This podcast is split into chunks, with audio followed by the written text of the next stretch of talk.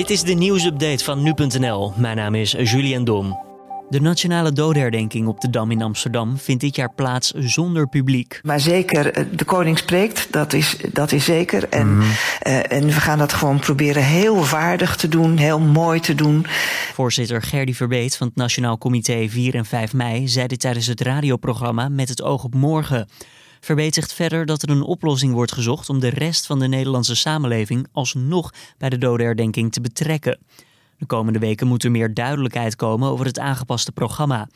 Duidelijk is wel alvast dat de 14 bevrijdingsfestivals die een dag later stonden gepland officieel zijn afgelast.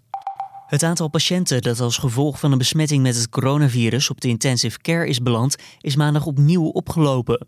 In totaal ligt het aantal nu op 487, zo meldt de Nederlandse Vereniging voor Intensive Care. Het aantal COVID-19-patiënten dat daar wordt opgenomen stijgt nog iedere dag, vooral in de provincie Noord-Brabant. Aanvankelijk waren er 350 plekken beschikbaar in Nederland op de intensive care. Dit is al opgeschaald naar 575. Oud-minister voor Medische Zorg, Bruno Bruins, zei afgelopen woensdag tijdens een debat in de Tweede Kamer dat het kabinet van plan was om op te schalen naar 1500 plaatsen.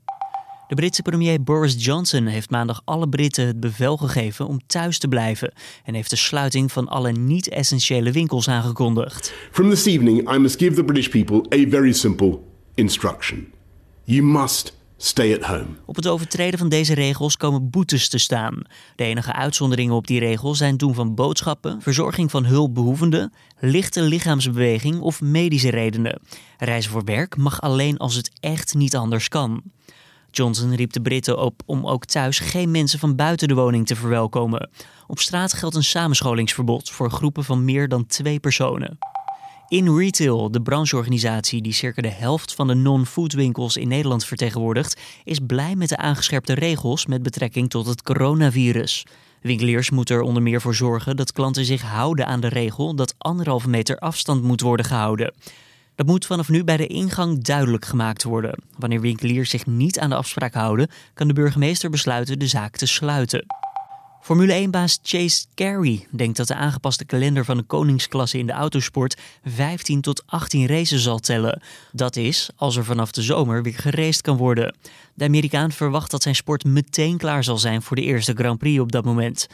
Door het coronavirus werden de eerste acht races, waaronder die in Nederland, van de oorspronkelijke Formule 1-kalender uitgesteld of van het programma gehaald. Er moet nog flink worden gepuzzeld voor een nieuwe kalender.